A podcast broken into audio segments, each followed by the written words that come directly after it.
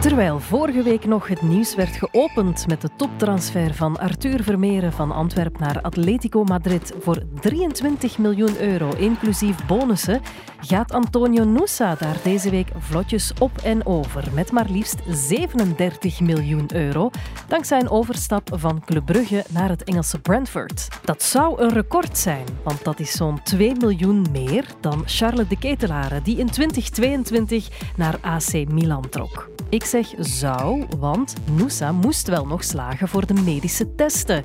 Enkel die konden het feestje nog verpesten. En guess what? Dat lijkt nu ook te gebeuren. Welkom bij Sportza Daily. De recordtransfer van het jonge talent Antonio Nusa van Club Brugge naar Brentford staat op de helling. De overgang van Nusa, een 18-jarige Noor, was gisteren zo goed als afgerond. Maar na zijn medische testen is er nu twijfel bij de Engelse club. Brentford, dat 14e staat in de Premier League, zou 37 miljoen euro betalen aan Club Brugge. Dat zou het hoogste bedrag ooit zijn voor een speler die vertrekt bij een Belgische club. Maar de deal is dus nog lang niet rond. Hoe kan een topsporter, een 18-jarige jonge kerel, falen voor medische testen? Zijn er problemen opgedoken met zijn hart? Trekt Brentford aan de rem door zijn rugproblemen van afgelopen seizoen? We hebben er voorlopig het raden naar, maar het stipt wel het belang aan van dat deel van zo'n transfer. Waar wordt allemaal juist naar gekeken? Hoe gaat het in zijn werk? Het zijn vragen die ik stel aan professor Luc van den Bossen, verbonden aan UZ Gent en hoofdclubarts van Anderlecht. En je hoort ook het verhaal van Thomas Fouquet, die in de zomer van 2017 in extremis een transfer naar Atalanta Bergamo zag afspringen omwille van hartproblemen, die plots in de medische testen naar boven waren gekomen. Het feit dat een miljoenendeal kan afspringen op basis van medische testen kaart meteen het belang ervan aan. We kunnen niet spreken over een kleinigheidje. Het is al lang geen formaliteit meer. Nee, de medische screening, zoals dat wij dat noemen, is eigenlijk eh, een, een fundamentele basis om de gezondheidstoestand in eerste instantie van, van de patiënt en speler uh, te gaan investigeren. En daarmee gaan wij eigenlijk vrij breed gaan screenen niet alleen naar zijn huidige gezondheidstoestand, maar ook een predictie gaan doen naar de toekomst toe van wat is zijn blessurerisico in zijn totaliteit. Je hoort Luc van den Bossen. Ja, mijn naam is Luc van den Bossen. Ik ben um, arts-specialist aan het Universitair Ziekenhuis. Uh, ook professor eh, verbonden aan de Universiteit Gent als hoofddocent en uh, hoofdarts van RC Anderlecht. Hij spreekt dus over een brede screening. Zet je schrap, want dat is niet gelogen. En daarmee doen wij een, een, een inspanningstest in feite op een loopband, waarbij dat de zuurstofuitwisseling wordt gemeten, zijn anaerobe, anaerobe uithouding wordt bekeken. Hij krijgt dan ook een, een, een VO2 max bepaling die, die een basiswaarde is voor te kijken van hoe groot is de motor van die uh, persoon. Uh, want dat is ook belangrijk voor zijn trainingsschema's dan op te maken in de toekomst. En tijdens die, of vooraf aan die inspanningstest, wordt dus een rust-EKG eh, afgenomen. En er wordt ook een EKG afgenomen tijdens zijn maximale inspanningstest tot uitputting. Om te zien hoe dat het hart eigenlijk die zware uh, belastingstest verdraagt. En gekoppeld daaraan wordt dan ook uh, een, een, een, consultatie gedaan bij de cardioloog, die dan ook een echografisch onderzoek doet van het hart, om te zien als het hart functioneel, maar ook structureel er normaal uitziet. Ook gezien de COVID-periode, dat er toch een aantal voetballers ook fibrose hadden van de hartspier te gevolgen, bijvoorbeeld van een doorgemaakte COVID-infectie. Dan wordt er ook een biologisch onderzoek gedaan. Dat is een bloedafname met een heel brede screening naar de gezondheidstoestand, ook naar infectieziekten en dergelijke. Ook besmettelijke overdraagbare ziektes worden gescreend. Um, gescreend als er tabakgebruik is en dergelijke. En daarnaast wordt er dan een orthopedische screening gedaan van alle gewrichten, spieren en pezen, gevolgd door een, een full body echografie, waarbij dat de spieren en de pezen ook in kaart worden gebracht, eh, bestaande letsels worden bekeken of uh, een blessure uh, risicoprofiel wordt opgemaakt. En die nodig worden er ook MRI-scans uh, bij gedaan. En vervolgens worden dan ook uh, functionele analyses gedaan. Dat betekent naar spring- en sprongtesten. de snelheid wordt bekeken, hoe snel die persoon is.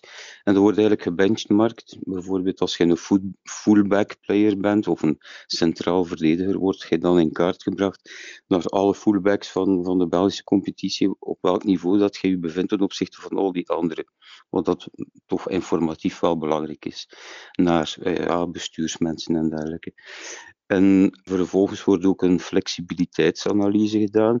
Hoe flexibel dan uw gewrichten zijn, hoe flexibel dan uw spieren zijn. Uh, er wordt ook een coördinatietest gedaan. En dan worden ook spierkrachtanalyse gedaan. En ik denk dat we dan uh, ja, ganse dag bezig geweest zijn om, om dit te gaan verwerken. En dan wordt daar een definitief rapport van gemaakt. Dat is ongeveer een korte schets van hoe dat het eruit ziet. Een brede screening gieten in een korte schets. Dat is relatief. De atleet wordt dus grondig getest. Te grondig? Is dat eigenlijk allemaal wel nodig? Ik denk dat dat wel niet. Dat gaat meestal over heel, heel veel uh, financiële lood. Uh, ook voor, voor een club. En ja, je kent vaak mensen niet. Je weet niet wie dat er komt. Je kent ook weinig blessuregeschiedenis. Je weet dat mensen even geblesseerd geweest zijn. Maar je moet toch de gronden analyseren dat, er toch, uh, dat je toch geen risico's neemt om zo iemand eh, in uw team in te nemen die achteraf zegt van ja, we hebben daar al die miljoenen voor betaald en die kan niet, niet voetballen of die is constant geblesseerd of die is ziek of die heeft een hartafwijking en die, die kan niet meer voetballen, want dat is dan een financiële aderlating. Dus ik denk dat dit uh, ja, eigenlijk uh, de, de insteek is van dat verhaal ook. Voor een club is zo'n medische screening dus heel belangrijk. Is dat ook zo voor de speler? Hoe staan de atleten daar tegenover? De meeste mensen vinden dat uh, vrij oké. Okay. Sommigen zijn onder de indruk van de, de uitgebreidheid van de analyse, maar zien ook in hoe belangrijk dat, dat is achteraf, op het eind van de rit en het eind van de dag, zijn dan ook wel wat vermoeid. Je hebt anderen die dat gewoon zijn in het buitenland, in Italië of in Spanje, zijn ook die screenings vrij grondig. Uh, in andere landen is dat iets minder. En ja, dat, dat, we zijn toch vrij ja, high level op dat vlak, mag ik toegeven, in Europa. Er wordt dus veel en uitgebreid getest, maar waar zien ze het het vaakst op mislopen, op vastlopen? Uh, mislopen als er dus structurele afwijkingen zijn aan, aan bepaalde gewrichtstructuren die heel belangrijk zijn in het voetbal dan, kan het mislopen. Uh, of aan de heupen of aan de rug. Of uh, bij een doelman bijvoorbeeld, dat er echte misvormingen zijn ter hoogte van de pols, dat je zegt van ja, dit kan niet. Uh, dan, dan kan het daarop afknappen. Ja. Of bij structurele hartafwijkingen, uh, ja, dan is het gewoon rood licht en dan is het een no-go. Bepaalde infectieziekten ook, dat je zegt van, ik heb een, die heeft een besmettelijke ziekte, die kan niet, dat is een gevaar voor het team. Die moet eerst behandeld worden, dan kan die aansluiten, dat bestaat ook. Is ook al voorgevallen. En dan komen we uit bij het verhaal van Thomas Fouquet. Thomas is 22 wanneer hij als speler van AA Gent op het punt staat om de overstap te maken naar het Italiaanse Atalanta Bergamo. De deal lijkt in kannen en kruiken, maar dat was buiten de medische testen gerekend, hoewel hij daar op voorhand geen stress voor had. Als ik me dan terugstel in, in, in het begin, voordat ik het heb voorgehad, dan had ik ook zoiets van medische testen. Ja, ik was jong en gedenkt, dat is gewoon even, zoals ik zei, uh, rap, rap, rap. En ik denk dat er toch wel veel spelers zijn die dat, dat toch, ja, dat dat een formaliteit is, ik zal het zo zeggen. Uh, zo, zo zie ik het ook. Uh, bij mij is dat natuurlijk gans veranderd. En, en ik zeg ook elke keer als ik dan zie staan, er moet nog medische testen, dan zeg ik, oh, maar wacht maar eerst de medische testen af. er kan altijd iets mislopen, dus ik zou ook nooit als speler nog zeggen van ja, de transfer is geklonken uh, voor alleen die medische testen gedaan zijn, gewoon door wat ik heb meegemaakt. Maar ik ben er zeker van dat dat voor de meeste van de spelers gewoon een formaliteit is. Een formaliteit met grote gevolgen. Afgelopen zomer sprong een transfer naar Atalanta Bergamo in Italië af. Bij de medische onderzoeken waren hartproblemen opgedoken. Niet voor het eerst. Fouquet werd in België opnieuw getest en moest dan wachten op het telefoontje van de dokter met het verdikt die sprak dan de woorden uit van ja, je kunt niet meer aan, uh, aan topsport doen. Bon, en toen heb ik wel, uh, dat was toch het zwaarste moment dat ik tot nu toe heb meegemaakt. Uh, ja, dat er gewoon een kans was dat ik gewoon nooit meer ging kunnen voetballen. Dat was, dat was voor mij het, uh, het ergste. No deal. Hoe zag die dag voor Thomas eruit? Hoe heeft hij dat beleefd, die medische screening in Italië? Ja, dus bij zo'n medische testen moet je vaak van, uh, van de ene plaats naar de andere. Dat is uh, de dokter zien, uh, dat is naar het ziekenhuis voor onder de scanner te gaan. Dat is een gesprek met, met die persoon. en bij mij, ja, quasi alle testen waren gedaan. Ik had ook de fietsproef gedaan met het hart. en dan ging ik naar huis. En ja, ik was die fietsproef aan het doen. En op die moment al voelde ik een rare sfeer. Ik zag, ja, ik, ik kon geen Italiaans, maar ik zag die dokters naar elkaar kijken en zo wat spreken.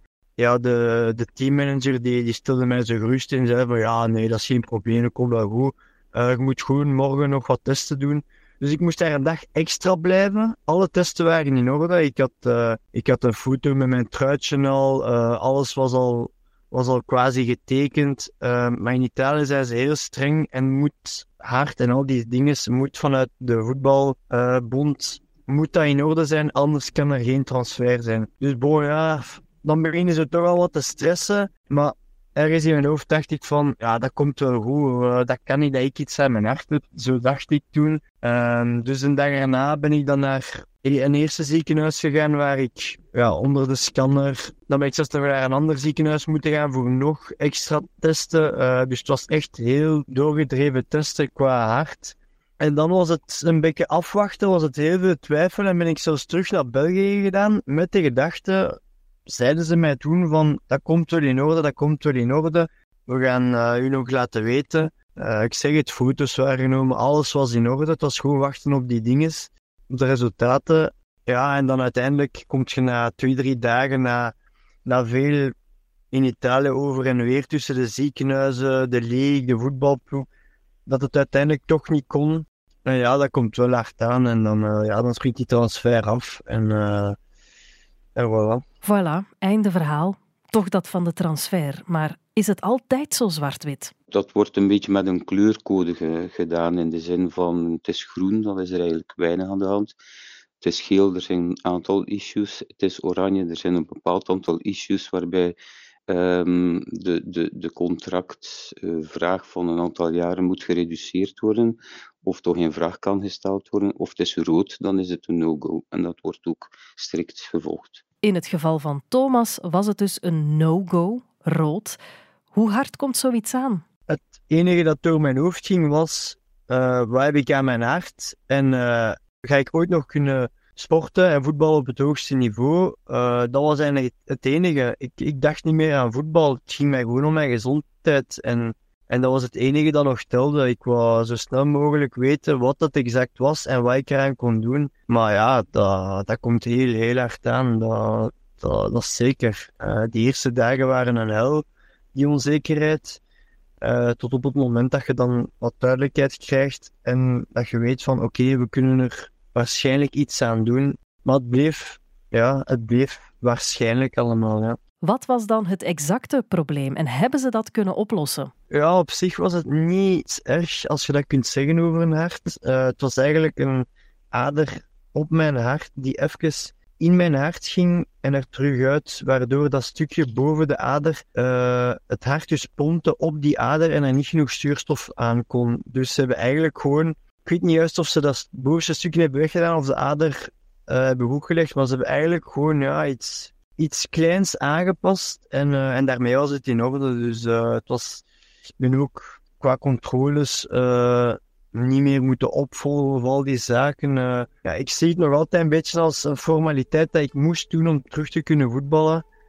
Ik ga ook nooit weten, want er waren er die zeiden dat het wel nog zou gaan, maar ik kon niet anders. Ik moest het doen om op papier in orde te zijn voor voetbal. Ja, en dus was er plots toch weer sprake van topsport, van te kunnen en mogen voetballen. Je carrière uh, ziet er ganz anders uit natuurlijk, maar qua fysiek heeft dat geen invloed gehad. Ik heb wel moeten revalideren, maar uh, daarna heeft dat geen invloed gehad op mijn, mijn loopvermogen of dergelijke zaken. Naar Italië is het niet meer gegaan. Het werd een hartoperatie, waarna hij uiteindelijk via AA-agent in 2018 een contract tekende voor vijf seizoenen bij de Franse eerste klasser Stade de Reims.